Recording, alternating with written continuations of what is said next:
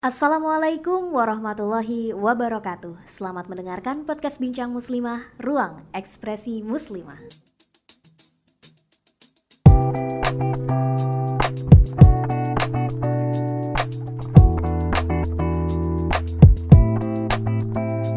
Assalamualaikum warahmatullahi wabarakatuh.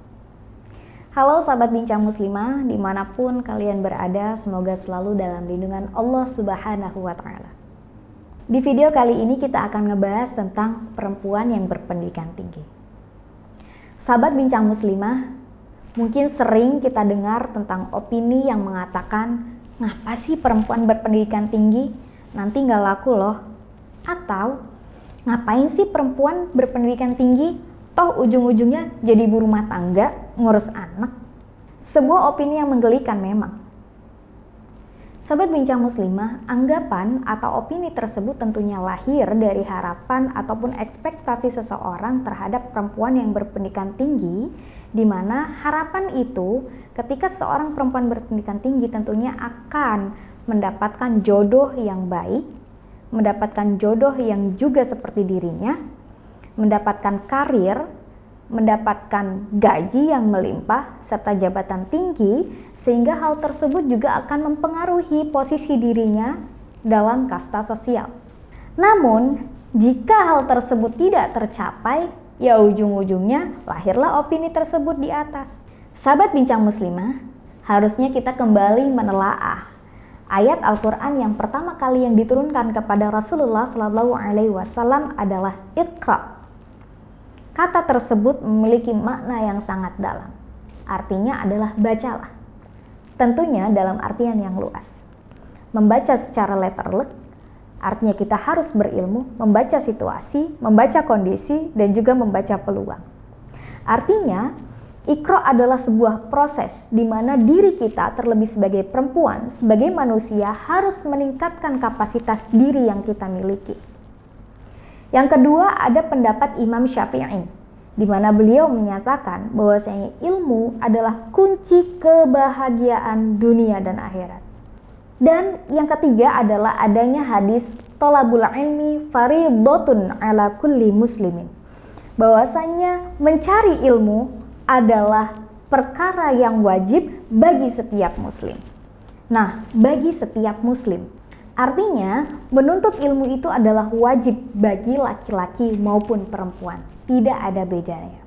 Terlebih sebagai perempuan misalkan, ketika nanti dia berpendidikan tinggi dan memilih untuk menjadi ibu rumah tangga misalnya, itu tidak masalah. Toh al-um madrasatul ula, perempuan adalah sekolah pertama bagi anak-anaknya. Mengapa demikian? Karena pada dasarnya ibu adalah sebagai penentu. Ibu harus berbekal banyak untuk menghadapi kehidupan si anak. Misal, dalam praktik memberikan uh, makanan, ya kita harus menimbang gizi. Untuk perempuan yang berpendidikan tinggi, tentunya akan menimbang berdasarkan teori. Tapi untuk perempuan yang tidak mengenyam pendidikan, mungkin itu akan berbekal katanya. Ada penelitian menarik dari seorang psikolog dari uh, University of Michigan tahun 2014. Dia adalah uh, Sandra Tang menyatakan bahwasanya ibu yang berpendidikan tinggi akan mempengaruhi kualitas masa depan anak. Tentunya masa depan anak dalam artian luas. Mulai dari bagaimana sih memberikan gizi atau memenuhi gizi seorang anak, bagaimana menentukan sekolah anak, bagaimana menjadikan anak ini seperti ini atau seperti itu. Sahabat bincang muslimah, selanjutnya Pendidikan juga adalah sebagai arahan dan juga rem bagi perempuan untuk melakukan sesuatu. Tidak hanya dalam perkara mendidik, tapi juga dalam mengambil keputusan. Keputusan bagi dirinya sendiri sebagai pribadi yang mandiri, keputusan bagi suaminya sebagai pasangan, ataupun keputusan bagi anak-anaknya sebagai ibu. Nah, sahabat bincang muslimah, demikianlah pentingnya pendidikan bagi seorang perempuan. Meskipun ilmu kehidupan itu tidak ada sekolah formalnya, namun pendidikan formal bagi perempuan setidaknya akan memberikan kisi-kisi kehidupan yang akan dilalui. Demikian sahabat bincang muslimah, jangan pernah menyerah untuk mengenyam jenjang pendidikan. Semoga bermanfaat. Wassalamualaikum warahmatullahi wabarakatuh.